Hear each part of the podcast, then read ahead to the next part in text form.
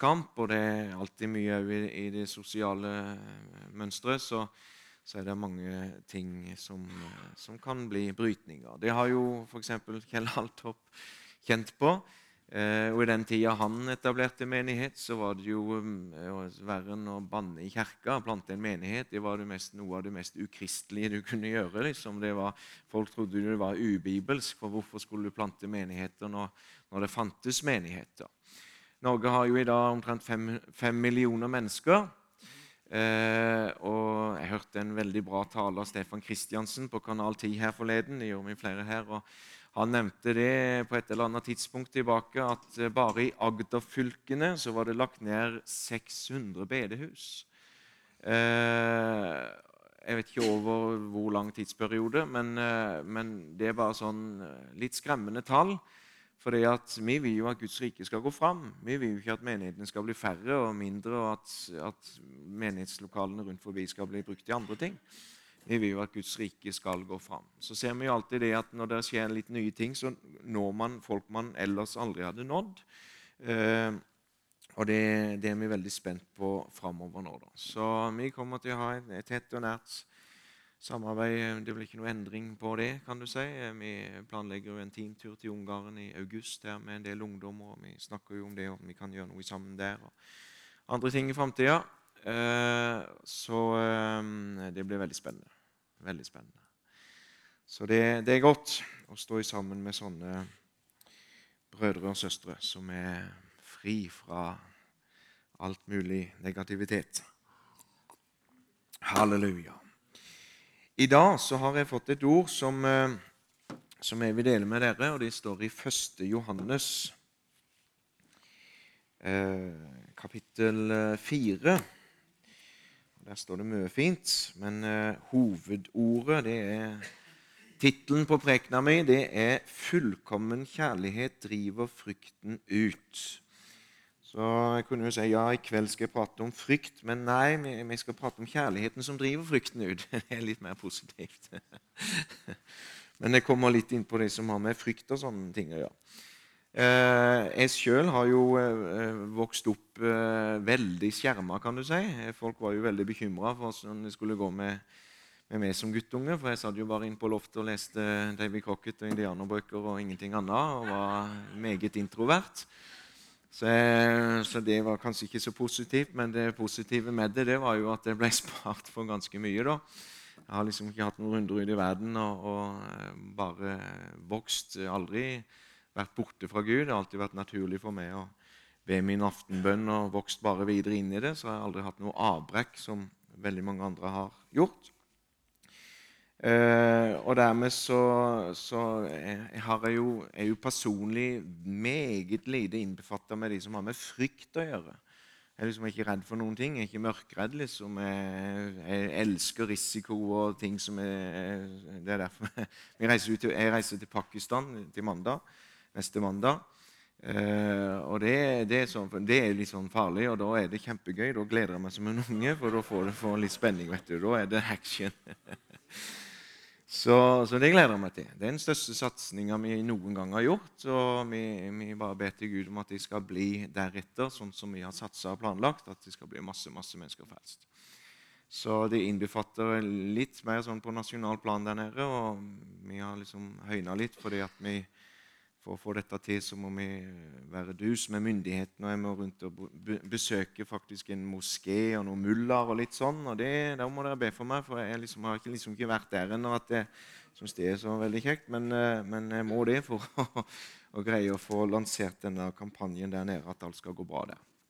Så det, det har vi tro på. Så jeg må bare ikke komme med noen dårlige vitser eller noe sånt når jeg står i moskeen. Jeg må liksom få visdom fra Gud til å ikke si noe dumt når jeg er der. Så det er en litt annen setting enn å stå på ei plattform. Så da får dere ned på kne og be.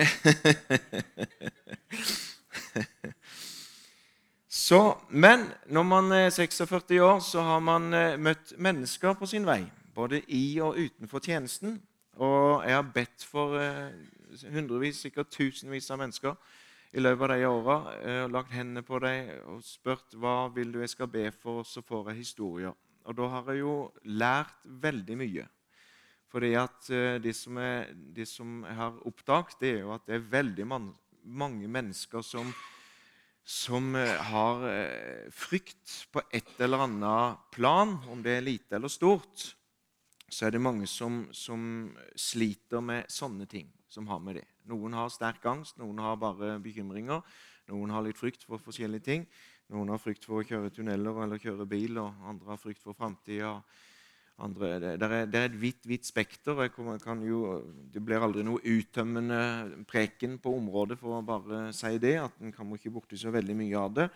Men eh, det som eh, jeg kjenner på i kveld, det er at eh, det er en, et, et, adressert budskap til, til, flere mennesker personlig, der Jesus bare vil gå inn og, så, og, og gjøre noe i noen menneskers liv i kveld.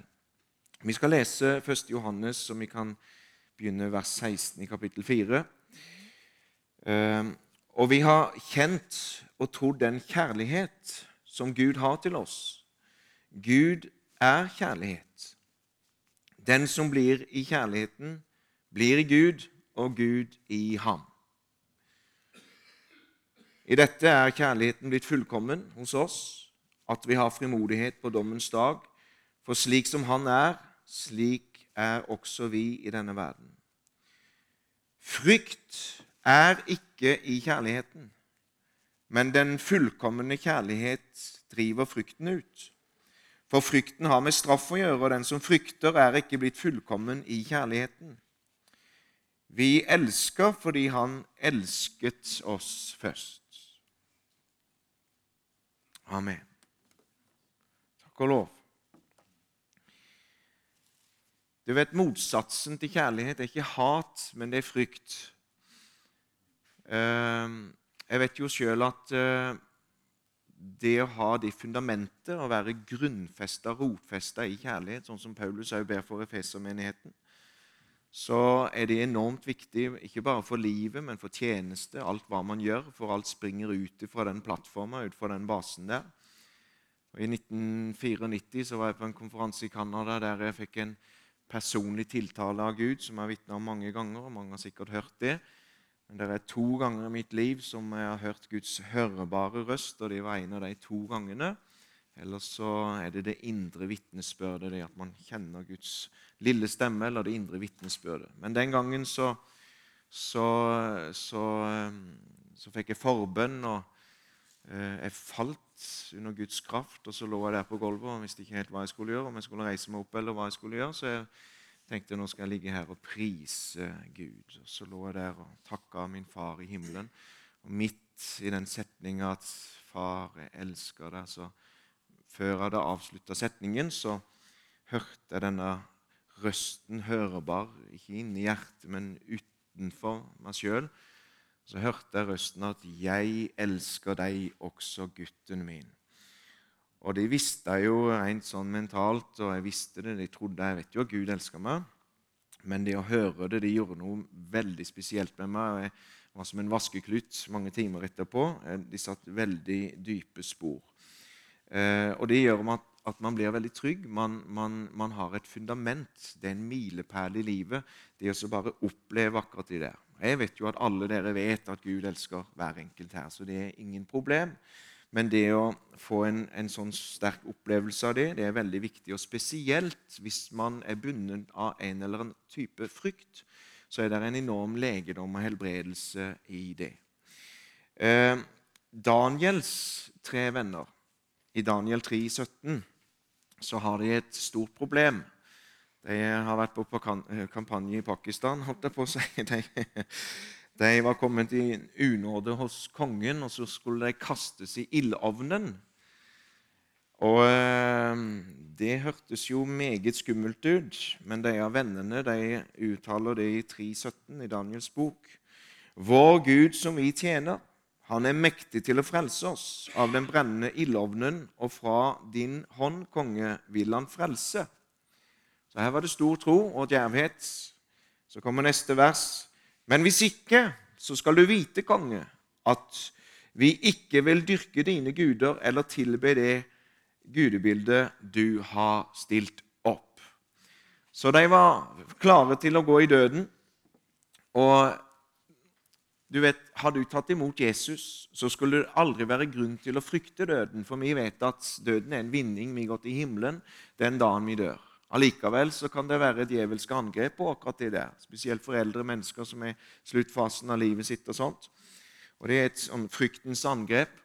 Men eh, vi, eh, vi, lever i en vinn-vinn-situasjon, for Jesus døde for oss, og han bor i oss.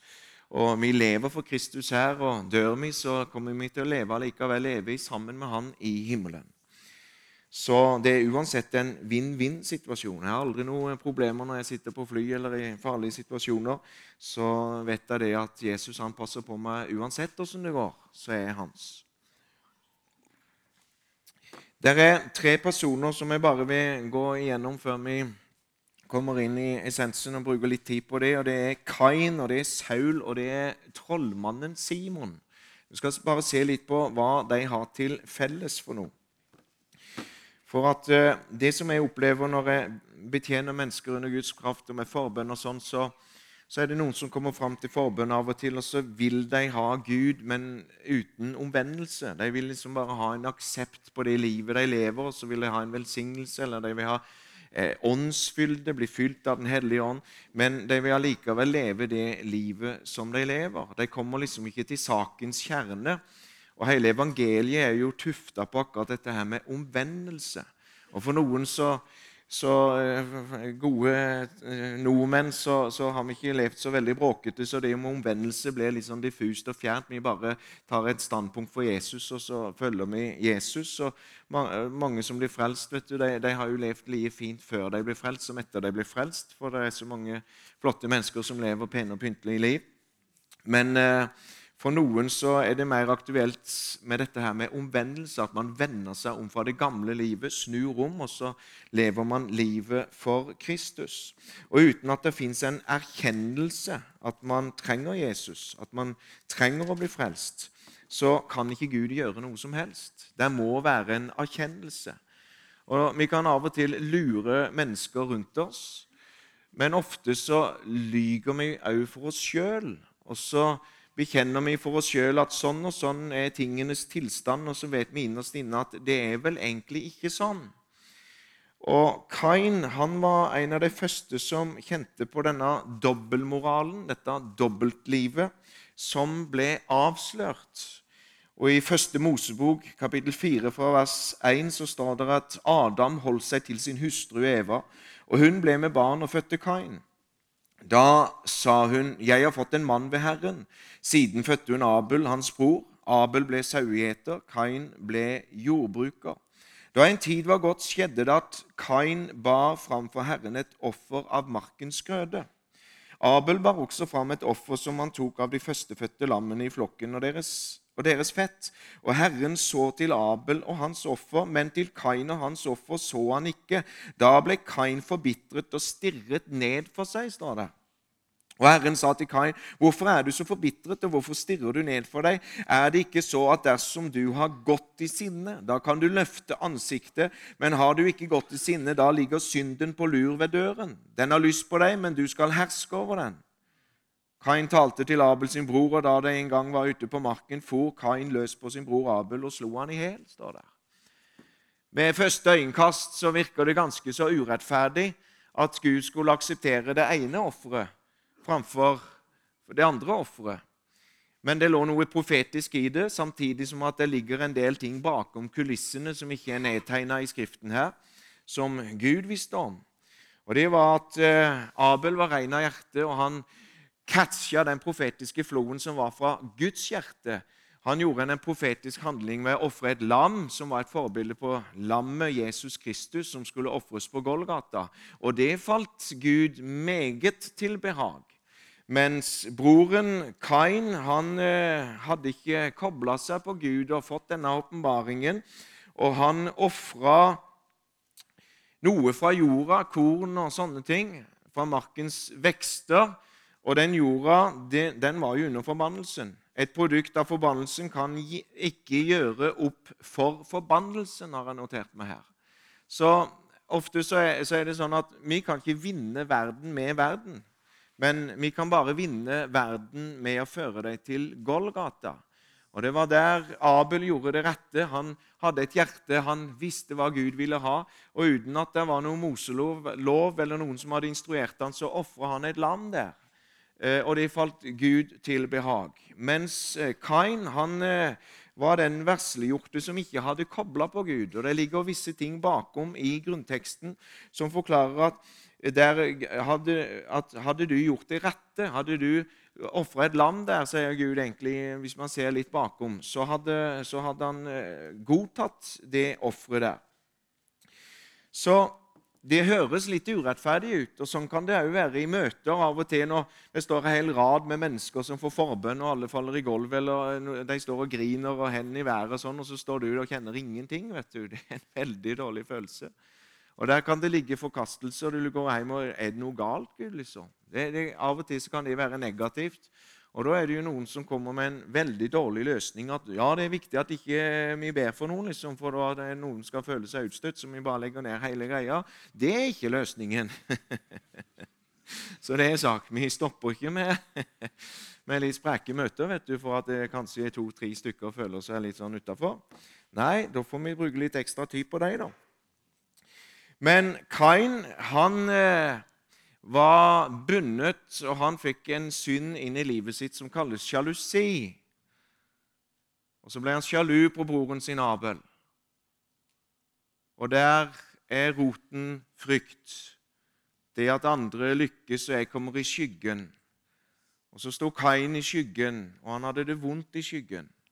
Men det var ingenting i veien for at Kain kunne gått ut i dagslyset vært sammen i fellesskap med sin bror Abel, men han valgte å stå i skyggen, og han valgte ikke å omvende seg til Gud.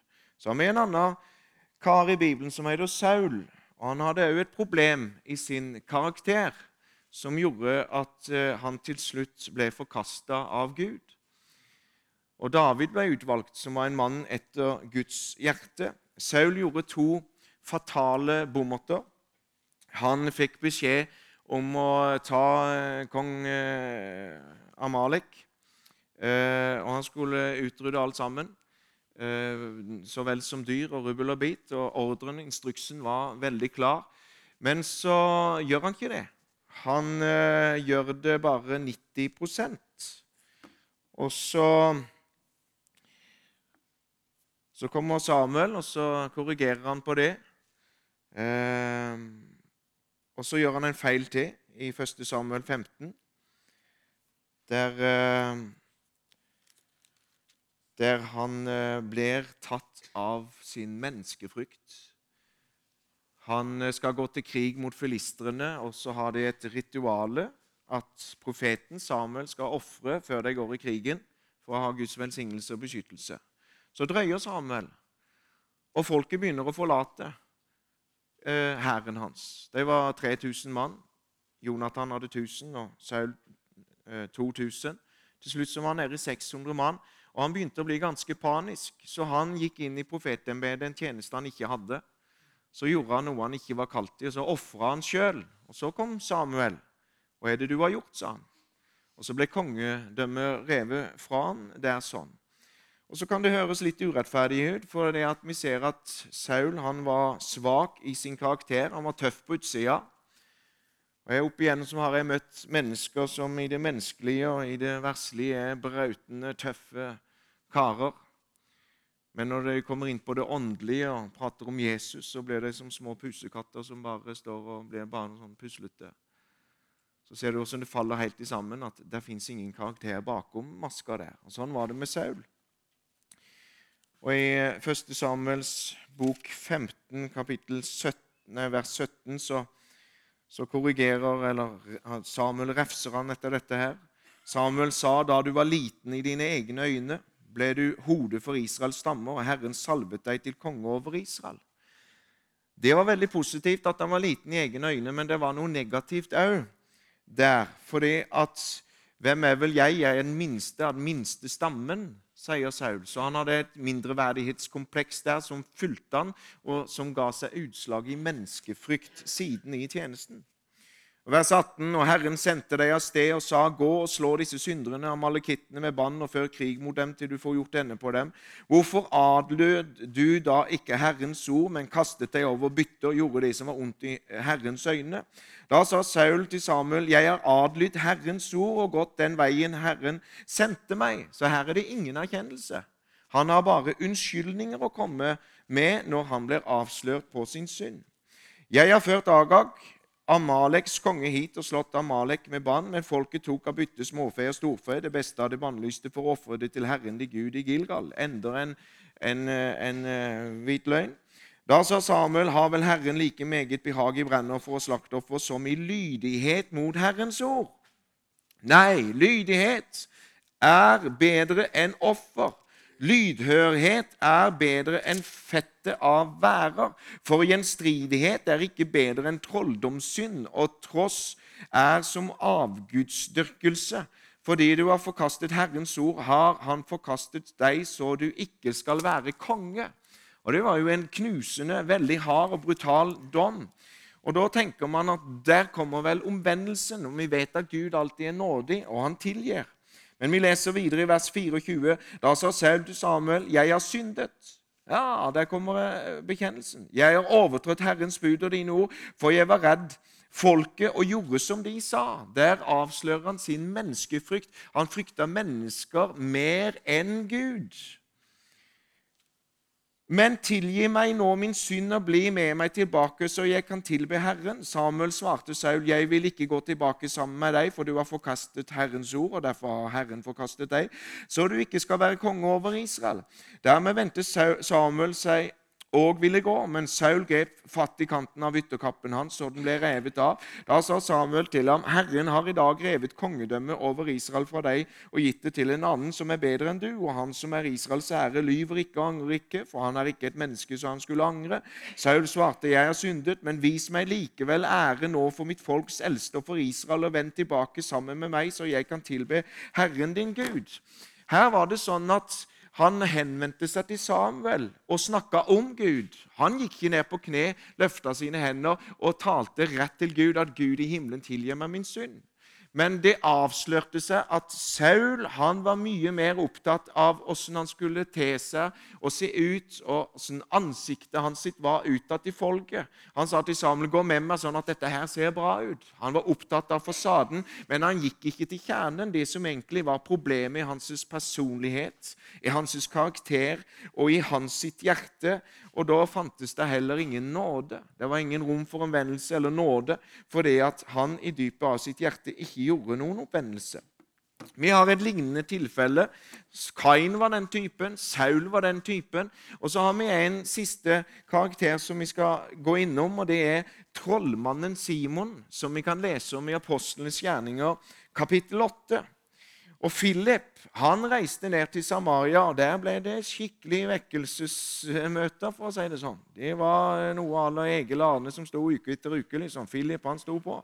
Philip kom da ned i vers 5 til en by i Samaria og forkynte Kristus for dem. De ga alle akt på det som ble sagt av Philip. Da de hørte og så de tegn han gjorde, for det var mange som hadde urene ånder, og de for ut av dem med høye skrik, og mange vannføre og lamme ble helbredet. Og det ble stor glede der i byen. Og midt i dette sammensuriumet så er det en mann som heter Simon. I vers 9. Men en mann som hette Simon, hadde fra før av vært i byen og drevet trolldom. Og han hadde satt folket i Samaria i stor undring. Han utga seg selv for å være noe stort. Og Vi vet jo ingenting om trollmannen Simon, men tydeligvis så, så, så ser vi litt mellom linjene at han hadde tydeligvis et behov for å markere seg og være stor. Og ofte når et menneske har behov for å være stor eller markere seg eller hevde seg, så ligger det noe bakom. Gjerne kanskje at de tidligere har vært undertrykt og, og, og hatt et eller annet som gjort at de på en måte skal heve seg over, til, over det som de har opplevd, at de skal slå tilbake på et vis. I vers 10 så står det og alle, både små og store, lyttet til ham, og de sa, 'Han er Guds kraft som kalles den store'. De ga akt på ham fordi han i lang tid hadde satt dem i undring med trolldomskunstene sine. Men da de nå trodde Philip, som forkynte dem evangeliet om Guds rike og Jesu Kristi navn, så lot de seg døpe, både menn og kvinner. Så her fikk Simon en skikkelig konkurranse. Han hadde showet, han var midtpunktet. Han hadde oppmerksomheten helt til Philip kom. Og da kom plutselig Simon i skyggene. Og han hadde utgitt, utgitt, seg for å være eh, selveste Guds kraft. Og folket hadde gått rett på limpinnen og trodde at ja, men dette er jo en Guds profet. Og, og dette var Guds kraft osv. Men så kom eh, Philip, tok hele oppmerksomheten. Og så står det i vers 13 Og Simon tok ved troen, han også. Og da han var blitt døpt, holdt han seg stadig til Philip. Allerede der så mistenker jeg det at han bare ble med i massen. Han ble med på lasset, liksom. Ja, for å bli frelst, det òg, da. Jeg må prøve å være med på dette her, for nå er spillet over. Nå har jeg på en måte tapt. Og så ser vi det at Han var jo ikke Jesus-fokusert. Han var jo meget predikantfokusert, trallmannen Simon. Han holdt seg stadig til Philip, står der. Så han eh, hadde løfta blikket litt for lavt. Han så bare på gudsmannen uten at han hadde festa blikket på Jesus, troens opphavsmann og funnlender. Videre fra vers 13.: Han var ute av seg, trollmannen Simon, av undring da han så de tegn og de store undergjerninger som ble gjort. Men da apostlene som var i Jerusalem, hørte at Samaria hadde tatt imot Guds ord, sendte de Peter og Johannes til dem. Han var ute av seg, står det. Det var jo bransjen hans å imponere folk. Og nå hadde det plutselig kommet noen som gjorde enda større undergjerninger enn det han kunne gjøre. De måtte vel gjøre noe i hans hjerte der, med selvtilliten og med alt det som lå inni der. De kom, de kom dit ned og ba for dem at de måtte få Den hellige ånd, for ånden var ennå ikke falt på noen av dem. De var bare døpt til Herren Jesu navn. Nå la de hendene på dem, og de fikk Den hellige ånd. Men da Simon så at ånden ble gitt ved apostlenes håndspåleggelse, kom han til dem med penger. Så tydeligvis så, så, var det ikke så trauste, stille møter, dette her. Det var nok litt liv i leiren. Siden at, det, det, det, står ikke at han hørte at de ba i tunger. Han så at de ble åndsdøpt. Og det, Hvis det er stive som noen stokker, så er det ikke så lett å vite om det er åndsdøpt eller ikke. hvis ikke du hører det, Men han så det. Så det var tydelig å se at det, det, var bevegelse på et eller annet plan, uten at vi vet hvor mye det var. Om de lå strake alle sammen, eller om de hoppa og dansa, eller om de svaia litt sånn forsiktig. Det aner ikke vi, men han kunne i hvert fall se at det skjedde noe der. Og som denne spektakulære trollmannen som var ute etter show og var i showbusiness og, og ville liksom ha det mest hotte på markedet, så kommer han med penger og sa, 'Gi også meg denne makt, at den jeg legger hendene mine på, må få Den hellige ånd.' Men Peter sa til ham, 'Måtte ditt sølv følge med deg til fortapelsen fordi du tenkte å kjøpe Guds gave for penger.' Du har ingen lodd eller del i dette ord, for ditt hjerte er ikke rett for Gud. Der blir trollmannen Simon avslørt, han som tilsynelatende hadde vært som alle de andre som var blitt frelst. Og ingen kunne vel se forskjellen på trollmannen Simon og noen som helst andre. Det var en klubb alt sammen, og alle løfta hendene, og alle priste Jesus. Men Peter han hadde nådegaven til å prøve ånder. Han hadde kunnskapsord. Eh, og han avslørte i ånden, så kunne han se at bakom fasaden og masken så ligger en Saul inne der, det ligger en Kain inne der. Bakom der så ligger det noe. Og ingen andre så det. Til og med trollmannen Simon hadde nok ikke helt styr på hva som egentlig bodde i hans sitt eget hjerte. Det vet ikke vi heller av og til. Men Gud kjenner våre hjerter bedre enn vi kjenner oss sjøl. Vers 22. Omvend deg derfor fra denne din ondskap og be Herren om at kanskje ditt hjertes tanke måtte bli deg tilgitt.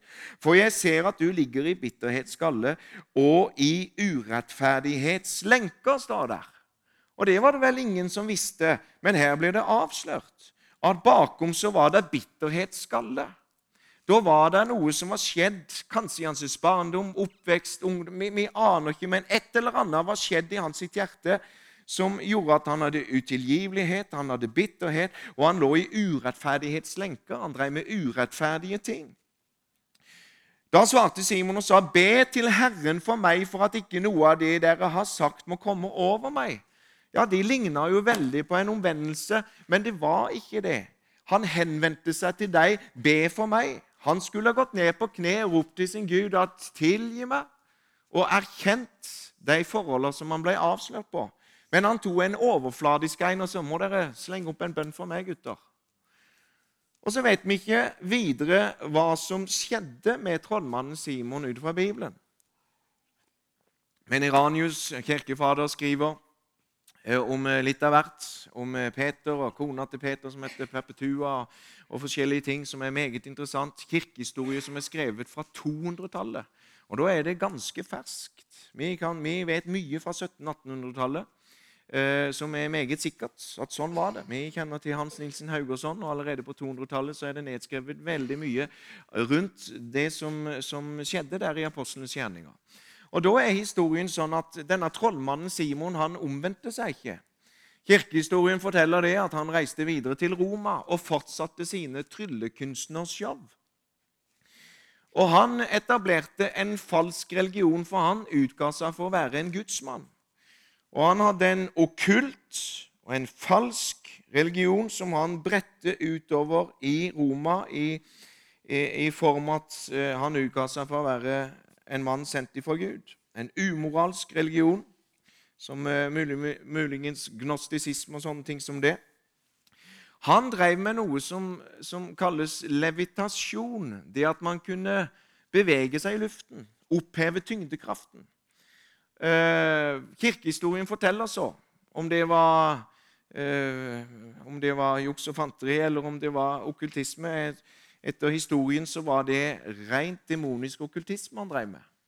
Og I Roma en dag så forteller kirkehistorien Dette er ikke Bibelen, bare sånn at dere vet det alle sammen. Ta det med en klype salt. Legg det bare litt på hylla, sånn, men uh, mye sannsynlig så er det ikke noe som skulle tilsi at ikke det er sant, det som er nedskrevet av de gamle skriftene. Og Der, står, der, der har han et show på torget den dagen der. Han har bygd et tårn av tre, og så går han opp i tårnet og så går han bare ut i lufta. I forsamlingen der skrives det, i denne beretningen, der står Peter og Paulus. Holdt på å si med hendene på ryggen og kikker på det som skjer der. Og Paulus, sies det, blir irritert og henvender seg til Peter og sier at skal, 'Har du ikke tenkt å gjøre noe med dette her?' Jo, så går Peter fram, og så i Jesu navn så befaler han den demonen som bærer trollmannen Simon, å slippe han. Og bang, så går han som en sekk i bakken. Så er det to varianter av historien. Det ene er at han går i bakken og blir drept momentant. Den andre varianten er at han går i bakken, brekker beina, så kommer folk og steiner han. Han dør i hvert fall uansett. Det var det siste som historien skriver om trollmannen Simon. Så kan vi ikke 100% vite om den historien er sann, men det er store muligheter for det. Det sies at Peter fikk veldig stor impakt i Roma etter at det der skjedde, og evangeliet gikk fram. Det sies òg at trollmannen Simon var hovedgrunnen til at Peter flytta til Roma for å være en motvekt og forkynne evangeliet mot all den vranglære som trollmannen Simon eh, spydde ut i Roma der. Men her har vi vært innom tre forskjellige personligheter. Den ene var Kain, den andre var Saul, og den andre var trollmannen Simon. Som på en måte var med. Kain var med på ritualet, men klarte ikke å få Guds favør i det han gjorde der. Han ble utstøtt. Saul han eh, var òg med og gjorde ting på sine egne måter, og det gikk galt. Trollmannen Simon var med i vekkelsen. Og så kommer Peter og Johannes, og Peter og Johannes de beskytter flokken sin. Peter hadde fått personlig oppdrag av Jesus. Fø mine lam, vokte mine lam. Eh, og så bevarte de denne vekkelsen fra trollmannen Simon. For hvis de hadde latt han fortsette i menigheten der, så hadde han ødelagt hele greia og bare lagt alt sammen om til en okkult bevegelse om han hadde holdt på der. Så Peter måtte være meget streng med denne trollmannen Simon. Så du vet at eh, eh, det er noen personer som jeg har møtt på av og til sjelden, men der man ljuger for seg sjøl, der man egentlig ikke har omvendt seg til sitt hjerte. Man beholder en fasade, en maske, men bakom så ligger der synd som man glatter over og ikke tar et oppgjør med. Og I 2019 så ser vi jo i media nesten daglig hvordan menneskene lager en gud i sitt bilde. Og Det var jo sånn at Gud han skapte menneskene i sitt bilde. Men i dag så lager vi vår Gud i vårt bilde, sånn som vi vil ha Gud. Og så krever vi at Gud skal velsigne vår type livsstil, Sånn som vi ønsker å ha det, sånn som vi ønsker å drive menighet, eller sånn som vi ønsker å, å, å, å leve vårt privatliv eller ekteskapelig stand, eller hva det skulle være, så krever vi at Gud skal endre seg etter vår standard, sånn som vi vil gjøre. Og der fins ingen omvendelse. Og så lurer man på hvorfor opplever jeg ikke Gud? Jo, for at Gud han ser alltid til hjertet. Og i hjertet så må det være en oppriktig omvendelse.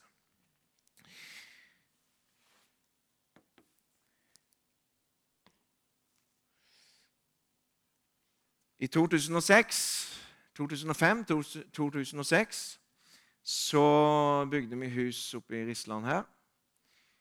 Um, og da var det sånn at um, det var mye å gjøre, så vi leide inn uh, et par fra Polen til å hjelpe oss å male. De var herlige. Frelst, et ektepar. Han heter, han heter Bogdan, og kona heter Margaret. Jeg har ikke hørt fra dem siden den gangen omtrent, så jeg tror de er hjemme hos Herren nå. De var eldre, de var ganske oppe i åra når de var oppe hos oss. Sønnen var pastor i Polen. Og De var skikkelig fornøyelige. Det er sånn uh, Do you have pencil? Yes, I have. det. Det er, liksom, det, det er enklere å si yes, I have. liksom. Så han var, eh, han var fin, Bogdan, altså. Og Han malte, de hadde timebetalt, vet du, så når det regnet, vet du, så gnudde de på likevel i regnet. måtte stoppe dem, vet du, så de hadde timebetalt. Og En gang så hadde han malt over et dørhåndtak på ei bu. Og Da eh, ble det fyr i Eva. vet du, så Det var jo bare hvitmaling over hele dørhåndtaket. Så jeg sa du, Bogdan, du må, du må fikse de der. Ja, jeg fikser, jeg fikser, jeg fikser, vet du. Så kommer jeg tilbake, lurer på hvordan skal han fikse det. liksom. Og Så kommer jeg tilbake igjen, og så var dørhåndtaket blankpolert. Det var jo finere enn nytt. Tenkte, Åssen i alle dager har han gjort det? tenkte jeg. Skulle jeg åpne døra, da, da hadde han bare snudd dørhåndtaket sånn det han var på innsida. vet du. Bare... Men Bogdan var fin, altså. Han, eh, han var en herlig frelst broder. han. Og så, og så hadde jeg jo Han malte, vet du, og jeg hadde sådd plen. Hadde så, jeg hadde stor plen. Jeg elsker å klippe plen. vet du. Det er min avkreasjon i det. Og så eh, hadde tromla brukt timevis på det. vet du. Og så var han akkurat begynt å bli grønnskjær i svarte moller der, vet du. Og så skulle Bogdan han, han, kjøpte sin egen mat. da. Så lurte han på om han kunne låne bilen min. Og jeg hadde kjøpt bil av Lars Torbjørnsen, en gammel Hias. Den var rusta hold i tanken på midten, så jeg kunne bare fylle halve tanker. og sånn. Så det var den tida jeg kjøpte gamle biler og håpte jeg kom fram. Så sa jeg til Bogdan du kan låne den. Ja, den sto i tona der. Så han satte seg inn. og Jeg sto på verandaen, og Eva sto der, og min søster Ingrid sto der. og Så skulle han rigge seg til å snu det, og så kjører han ut på den nysådde pleden. Og så spinner han seg ned så, så de sto vet du, og rota rundt. vet du. Eh, jeg lo, men det gjorde ikke Eva. jeg sier ikke mer. Eh, men eh, jeg syns de var verdt det, altså, for de var så morsomt. Og kona til, kona til Bogdan, Bogdan hun, hun, holdt jo på å gå gjennom bakken i et hull. vet du. Hun var så fortvila. Og jeg måtte jo hjelpe, Han hadde rota til hele plenen, så måtte jeg hjelpe å få skuddene opp og få bilen ut av gjørma igjen. Hele plenen var jo rasert. Og så endelig fått han opp på tørr vei igjen. Da, du, så skulle han rygge ned bakken. Og jeg hadde hogd til masse bjørkestrangler til brytestikker ned hele veien og var klar til vinteren skulle komme. Og så rygga han ned, og så dunk, dunk, dunk, dunk, så tog han, la han ned alle staura mine som hadde, mens vi sto og så på. Og kona sto og så. Da gikk hun bare ned skånne. Da så ikke resten av dagen. Da var hun så sinna. Og så kommer Bogdan opp, vet du, og så, og så, så ulykkelig. vet du. 'My heart cries, my heart cries'. Og det var verdt alt sammen. Det var veldig morsomt syns jeg, da.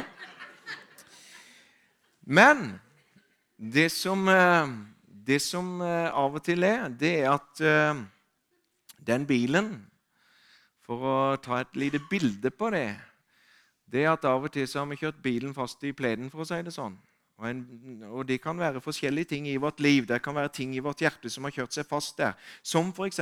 frykt eller sjalusi eller, eller, eller angst eller, eller eh, forkastelse og sånne ting. Så kan det være ting som eh, har vært i hjertet, og de må ut. Og I kveld så er doktor Jesus her. Og hvis det fins en erkjennelse, så kommer Jesus, og så fjerner han det. Akkurat som jeg måtte hjelpe Bogdan å få ut bilen av plenen der. Men så skjer det at når du har fått fjerna bilen da, fra pleden, så er jo problemet løst på et vis. Men se på pleden, da. Der er jo kraftige hjulspor der. Sånn er det òg i et menneskehjerte som har vært bundet av en eller annen lenke. Der det har vært en bil som har stått i åkeren. Bilen er fjerna, men der er spor etter bilen. Og Av og til så er det bare sånn at har du kjørt på plenen, så er det bare litt sånn der hjulspor, og ved neste regnskyll så kommer det opp igjen, og så er plenen like fin. Av og til så har man spunnet seg ned i plenen, og man må bare så ny plen, som jeg måtte gjøre. Jeg måtte jo til å tromle og spa og så hele greia etter Bogdan. Eh, men eh, i kveld så har jeg fått det veldig sterkt for meg, og det er selvfølgelig ikke alle sammen, men jeg tror at det fins noen her inne i kveld som tror at ja, jeg har noe i mitt liv jeg ikke burde hatt, f.eks. frykt. Men saken er at Jesus har sittet deg fri for lenge siden. Men fordi du ser hjulsporene, så tenker du at ja, men da er jeg ikke fri allikevel. Og sånn er det jo at Når man blir født på ny, så sier vi alt er blitt nytt. Ja, alt er alt, sier vi predikanter. Alt er alt, men det, kona er jo ikke ny, bilen er ikke ny, huset er ikke nytt, kroppen er ikke ny, maven er der fortsatt. liksom, og det, det, Hva er det som er nytt da når alt er nytt? Ja, alt er alt. Ja, hva er det som menes når man definerer det? Jo, det er jo det som har med din ånd å gjøre. I din ånd så er den født på ny, og alt er nytt i din ånd. Alt det andre er, er akkurat det samme. Ja, hva med sjelen, da? Ditt tankeliv? Ja, den får sånn en kraftig påvirkning av den ånd som er født, at den henger med på lasset en stund. Men eh, på en måte så er ikke dine følelser og ditt kjøtt Eller kjøttet blir jo aldri frelst, holdt jeg på å si, men det er din ånd som er født på ny. Sjelen din henger med der, men sjelen din trenger til fornyelse. Vannbadet i ordet. Be, Jesus han vaska føttene til Peter, og Peter sa at eh, nei, det må du ikke gjøre. Jo, eh, Jesus forklarte, og Peter sa vask hele med hodet og alt sammen, sa han. Nei, dere trenger bare til å vaske føttene, for det er det som berører bakken og denne verden og støvet som kommer på. Og Sånn er det òg med sjelen vår, at ånden vår er født på ny, så den, den henger på. Det er En hellig ånd hopper ikke ut og inn sånn uten videre. Men vår sjel og vår tankeliv trenger stadig til å bli dukka i vannbadet i ordet. Derfor så trenger vi stadig å fornye vårt sinn. At vi vasker vårt sinn. Vi vil gjerne vaske, alt det på seg. Vi må fornye vårt sinn daglig i Guds ord, som vi hørte innledningsvis her. sånn. Så eh, av og til så er det hjulspor. Selv om vi har blitt fri, så fins det hjulspor der. Og I kveld så har jeg fått det så sterkt at noen skal bare oppleve at denne oljen, Den hellige ånd, salvelsen, skal bare fylle inn i hjulspor, sånn at de hever seg opp med resten av pleden, sånn at det blir rett der sånn. Og Av og til så er det så mange mennesker som jeg har sett, som har blitt fri. Totalt fri. Men så fins det visse hjulspor. Sånn er det med mennesker som har vært demonbesatte. og sånn, Så søker jo alltid demonen å komme tilbake igjen. Da er det viktig at døra er stengt, og at Jesus bor i hjertet. Jeg har sett mennesker som har blitt fri fra demoner og blitt besatt igjen fem minutter etterpå fordi de ikke ble frelst og født på ny. første vi må gjøre når et menneske er fri fra demoner, det er at du må ta imot Jesus. Det må bo noe annet i hjertet, sånn at det hjertet er fullt med Jesus. Og sånn er det jo at Når man blir fri forskjellige bånd og lenker, så må man nære seg ved Guds ord. Man må stadig se seg i dette speilet og minne seg på at ja, men det er jo sånn. Jeg er fri. Har Jesus kjøpt deg fri, så er du fri. For Sønnen virkelig frigjort deg, så er du fri. Der fins noe som man kaller fengselssyndromet, eller noe sånt. Og det er det at når, et, når en kriminell eller en fange har sittet kanskje mesteparten av livet sitt i fengsel, og så skal ut, så hender det av og til at det er noen sånne fanger som ikke vil bli fri. Når de er ferdig sona, og de, 'Nå har du sona i 20 år, nå kan du gå.'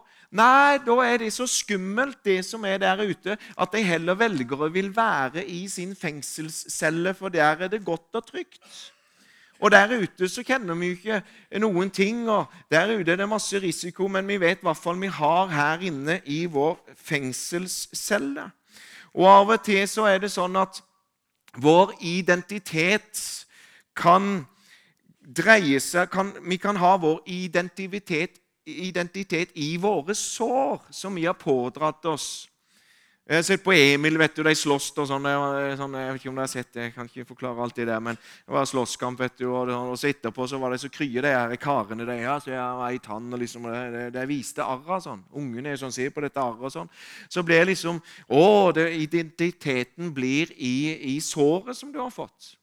Og Av og til så er det sånn, Min mor, vet du, som er snart 91 år og sånn, jeg husker det opp igjennom flere ganger. Så var det jo å, så syk og dårlig av og til og vondt i hodet og forskjellig. Og kom der en venninne som 'Ja, du, jeg, jeg føler meg udårlig. 'Nei, gjør du det?' Og det var liksom fristende til meg en gang, for det var noe så utrolig gøy å være syk i sammen. Det var kjempegøy. 'Ja, har du Ja, jeg sånn, og jeg har hatt så vondt, vet du.' Og 'Ja, gjør du, ja det har og det.' Og plutselig var de jo friske begge to omtrent, for de var så kjempegøy med denne sykdommen som de hadde. Men dessverre så er det sånn for oss kristne av og til at fordi om vi har hatt en bil i plenen vår en gang, og den er vekk for lenge siden Ja, for det er jo dette her såret som jeg opplevde jo det og det. Og så blir vår identitet i de gamle hjulsporene som er der. Og i kveld så tror jeg at Jesus vil lege noen for akkurat det. Det er i grunnen hele poenget med talen her i kveld. At noen skal bli lekt for det. Vi skal straks avslutte og gå i ettermøte. Har, eh, vi har ei, ei, ei, dame som heter Yvonne Wittner fra Tyskland, som har tidligere vært med Himmelpartner på team. Kjempebra. Hun, eh, hun, reiste en gang til Albania og fortalte meg denne historien. At hun skulle ha møte i Albania i en menighet, og hun får et kunnskapsord på morgenen for det møtet hun skal ha på kvelden. Og så, så kjenner hun det at i kveld er det et menneske som er blind, som skal få synet tilbake. Og det kommer så sterkt. Blind dame skal få synet tilbake. Yes, vet du, Hun er så gira for det. Kommer på møte og preker og gjør alt det der. Og så er det noen her som er blind, eller noe sånt. Hun uh, får fram ei dame der som er blind. da. Og Hun er så uh, spent og ber for henne sånn. Og de øynene de er helt hvite. Det er bare to svarte prikker til pupiller, så det er veldig tydelig å se at hun er blind. og sånn. Og så ber hun, og så ser hun at det skjer. De pupillene de bare vokser ut og blir liksom uh, normale. sånn, og bare, Nei, der skjer det! Og så plutselig så går det bare tilbake igjen. Hun ber og ber og ber, og skjer ingenting. Hun blir så ulykkelig. Dama er like blind. Og Så prater hun med noen i ledelsen som sier de at ja, du er ikke den første som kommer her, for her er det mange predikanter som har kommet og fått kunnskapsord eller et Guds ord rett til denne dama her. Og de ber for henne, og det skjer omtrent et mirakel der og da. Så går de tilbake igjen med en gang. Fordi at denne dama tør ikke å bli seende. Hun har sitt liv og sin identitet i å være blind. Hun har sin trygghet i sine daglige rutiner, i de folka som tar seg av henne. Pluss at hun har social benefits, hun har trygd fra staten. Hun vil ikke miste det, for hun vet ikke hva hun skal gjøre om hun får seg jobb. Hun har frykt for det som ligger bakenfor helbredelsen, så hun velger heller å være blind. Sånn var det i de tilfellene. Og Yvonne bare Er det mulig? Ja, det er sånn, bekrefter lederne der i menigheten. Og denne dama hadde ikke noe ønske om å bli helbreda. Hun ville heller ha det som hun hadde det. Og da hadde hun sin identitet i sitt sår eller i sin, i sitt handikap på et vis, og ville ha det sånn. Og Det høres jo veldig rart ut, og jeg tror ikke mange her som ville velge noe sånt. Men egentlig så når vi tenker og er ærlige mot oss sjøl, så kan det være ting som har skjedd oss. Eh, andre kan ha såra oss på noe vis, og så holder vi det der. For det er jo sånn at jeg ble jo behandla sånn, eller jeg opplevde det og det, og så holder vi det oppe som et, som et trofé omtrent, og pleier akkurat det der. Men i kveld så er doktor Jesus her for å jevne ut, legge ny plen, ny hjulspor, for bilen er fjerna, vraket er oppe, det er vekk. Du er fri, min venn, men det fins noen hjulspor, tankebaner, som bare Du er vant til å tenke at sånn skal det være, men bryt de der. Få litt olje inn i de hjulsporene, sånn at du begynner å tenke i henhold til Guds ord. I Johannes kapittel 1496 så står det at 'i min fars hus er det mange rom'. står der. Og Jeg har fire flotte bibelvers som jeg ønsker å lese til slutt. Og Der står det i Salme 118,5.: Ut av trengselen kalte jeg på Herren. Herren svarte meg og førte meg ut i fritt rom, står der. Åh, vi trenger ikke å leve i ei fengselscelle. vet du. En fange som har sittet i celle med grønske på veggene. liksom. Grønt slim på veggene, og alle syns det er fyselig, unntatt fangen. Han har levd så lenge der med grønt slim på veggene at det er blitt kultur. Det er liksom, Ja, sånn er vi vant til å ha det. Og så har man tilvent seg det. Men det fins et fritt rom. Og av og til for sånn en fange når man åpner døra sånn 'Nå kan du gå ut.' 'Nei, jeg vil heller være her.' Og Det er jo banalt å tenke at noen skulle tenke sånt, men egentlig, hvis man er helt ærlig, tør man å gi slipp på det som har vært ens identitet, der man har fått medynk, omsorg og menneskelig kjærlighet. Og så får man kanskje ikke det lenger, for at man er jo fri fra det som gir menneskelig kjærlighet og omsorg. Salme 18, 20. Han førte meg ut i fritt rom, han frelste meg, for han hadde behaget meg. Salme 18, 37. Du gjør rommet hvitt for mine skritt under meg, mine ankler svikter ikke. Siste verset på fritt rom det er Salme 31, 31,9. Du overgav meg ikke i fiendens hånd. Du satte mine føtter på et rommelig sted, står der. Og Hele hensikten er jo at du ikke skal gå rundt på bitterhetslenker eller urettferdighetslenker, som trollmannen Simon gjorde. Men du skal være fri, for du har et løp å løpe, min venn. Du har en, holdt på å si, en vekkelse som venter. Det er et gudsfolk som reiser seg. Du skal være med. Du skal ikke gå og dra på bånd og lenker og, og dra på lenker som har skjedd for 20 år siden. Nei, du er fri fra det, min venn. Og de hjulsporene som du ikke har gjort noe med, de skal vi fylle i Jesu Kristi navn. Jeg har veldig tro på at det skal skje en prosess i kveld for noen. Jeg har tro på at Å fylle en sånn hjulspor det er ikke kanskje bare gjort med en håndspåleggelse, men det er daglig å mate seg med Guds ord og bekjenne det samme som Guds ord sier om ditt liv. Da kommer de hjulsporene sakte og sikkert opp. Og så tror jeg at i kveld jeg bare ser et bilde Faktisk ser jeg et bilde av et bilde. Mamma og pappa hadde et bilde hjemme. En sånn tegna eller maleri eller sånn. At det er to menn som drar opp en som fra sjøen eller noe sånt. Står på ei kai, og så drar de opp en der redda en fra å drukne. Så et lite kors. Det er sånn et bilde på å bli frelst og, du, å bli redda. Og I en redningsaksjon når noen er blitt dratt opp av havet, så er det jo sånn at da får de et pledd rundt seg for å få varmen tilbake. De er jo blitt redda, de er jo fri på en måte, men så får de et pledd over seg for å holde varmen. Og I kveld så ser jeg akkurat det så tydelig at det fins kanskje en to-tre mennesker spesielt som trenger et pledd rundt sine skuldre som kalles Jesu kjærlighet. For den fullkomne kjærlighet driver frykten ut. Og I kveld så ser jeg for meg denne kappen av Jesu kjærlighet som skal bli lagt rundt dine skuldre, som trenger akkurat det. For den fullkomne kjærlighet driver frykten ut. Og jo mer du kan vaske ditt sinn med at Jesus elsker meg, Far i himmelen elsker meg, jo friere blir man. Jo mindre plass er det til frykt. Jo mer du kan han elsker oss først, men jo mer å elske tilbake i tilbedelse, jo mer å bare hengi seg i kjærlighet til Jesus, jo, jo, mindre frykt er det plass til i vårt liv. Men nærer man frykten og nærer det, så blir man som Kain som står i skyggene der og er ikke med på det som Gud gjør. Man blir som Saul, som kunne ikke fullføre løpet sitt. Man blir som trollmannen Simon, som skulle klappe på nye klær på synda si, og så skulle man bare gå videre der i menigheten uten egentlig å ta et reelt oppgjør med det som lå på innsida der. Og Av og til er vi redde for å ta det oppgjøret for at det får konsekvenser. og man må, man må kanskje be noen andre om tilgivelse, eller man må gjøre et eller annet. Men i kveld så er Guds kjærlighet her. Romerne 5,5 og håpet gjør ikke til skamme, for Guds kjærlighet er utøst i våre hjerter ved Den hellige ånd, som er oss gitt. En veldig ubibelsk bønn, det å be om å få kjærlighet. For det står jo i Romerne 5,5 at, at er du født på ny og har fått Den hellige ånd i hjertet, så er jo Guds kjærlighet utøst i ditt hjerte sammen med Den hellige ånd. Hvis Den hellige ånd er der, så er Guds kjærlighet der. Så det er veldig dumt å be om noe du allerede har fått. Men har du fått det, så kan du få mer Guds kjærlighet ved å bruke det. Guds kjærlighet er sånn at når du bruker det, så får du bare mer. Så du har fått en dose Guds kjærlighet i hjertet ditt når du ble født på ny. Og når du bruker det, ja, så kommer det bare enda mer, sånn at du kan bruke enda mer. Halleluja. Be aldri om å få Guds kjærlighet, for du har Guds kjærlighet. Bruk den. Bruk den i Jesu navn. Og Så skal du bruke den mot mennesker, og du skal bruke den mot Gud.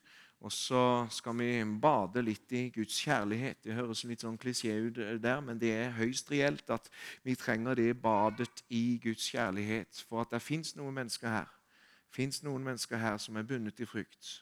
Og Jeg bare ser i ånden nå at Guds kjærlighet er som, akkurat som en sånn væske som etser det bort. Og la Guds kjærlighet bare flyte inn i ditt hjerte. Kjære himmelske Far, jeg bare priser ditt underbare navn. Jeg takker og lover deg, Herre, for du er her spesifikt for å betjene noen veldig sterkt nå, Herre. Du er her nå for å bare sette lyskasteren på, Herre, inn i mørke steder i noens hjerter som ingen andre ser, fordi det fins en maske der som ingen har sett bakom. Men far i himmelen, det fins noe der som bare du kan sette fingeren på. I Jesu Kristi navn. Mens vi er i bønn nå, så vil jeg bare at du inni deg hvis du bare skjønner det at jeg har vært drevet av frykt og jeg har vært av forkastelse. Du vet at folk som har vært undertrykt, de kan ofte bli sånne som er fulle av kontroll sjøl seinere, fordi at de skal hevde seg, de skal slå tilbake. De må vinne, de vil ikke under det igjen, så de blir kontrollfriker sjøl. Noen som f.eks. er eh, misbrukt seksuelt, de kan sjøl bli overgripere. fordi at det de, på en måte, de, de bare vender eh, polletten sånn, for å si det sånn. Og hvis du har noen sånn sår i ditt hjerte, så av og til så kan man falle den greia at man bare er der sjøl. At man bruker, man styrer med frykt fordi man egentlig er frykt sjøl. Mennesker som er såra, er noen av de farligste menneskene man kan innbefatte seg med de som er bjørnebindet med unger, de er på alerten og er meget farlige. Og såra mennesker er farlige. Er det sånn at du er ubehagelig å være sammen med fordi at det er et sår i hjertet ditt som gjør at du er, har alle piggene ute, og du er alltid kritisk, og du skal alltid passe på, og du er alltid kontrollfrik, og du skal liksom ha hendene på alle andre og passe på at alle andre lever rett og ordentlig, så er egentlig problemet i ditt eget hjerte for den som elsker, han frykter jo ikke. Den som elsker, er ikke livredd for vranglære eller livredd for noe som helst der ute. Eller 'Å, vi må passe på, for det er så likt', og det er så å, det, nå er det, Og så kommer frykten. ikke sant? Nei, hvis du er full av kjærlighet, så frykter du ikke, min venn, men du elsker. Og du har en mulighet til å elske andre ut i friheten. Men hvis du har sår i hjertet ditt så er, du, så er du veldig latent til å såre andre. Derfor er det viktig at du blir fri, og at du bare Du er fri, men du skal fjerne hjulsporene i kveld, min venn. Kjære himmelske Far. Jeg bare ber om at du må kalle nå. Sterkt, Herre. Sterkt, Herre. Sterkt, Herre. Og sette lyset på. Jeg kan ikke gjøre mer, men du tar over, Herre. Du gjør det, Herre. Du gjør det. Kan vi ikke få litt musikere opp, Herre?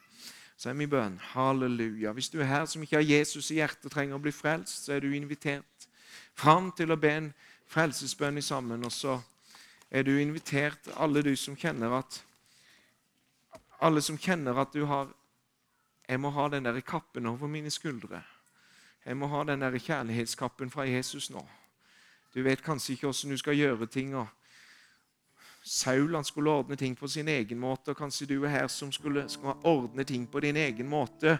Du spiller sjakk med dine omgivelser og tar et trekk og venter på nesten din motspiller skal ta neste trekk. Men det fins en himmelsk arbeidsgiver, Jesus Kristus. Og alt står og faller. Du står og faller for din Herre Jesus Kristus. Hva har vi med andre? Hva har vi med andre å gjøre, bare vi fullfører vårt løp? Kjære himmelske Far, jeg takker for at du kaller her. Du kaller. Skal vi reise oss opp og være med i lovsang og tilbedelse, og så inviterer jeg fram.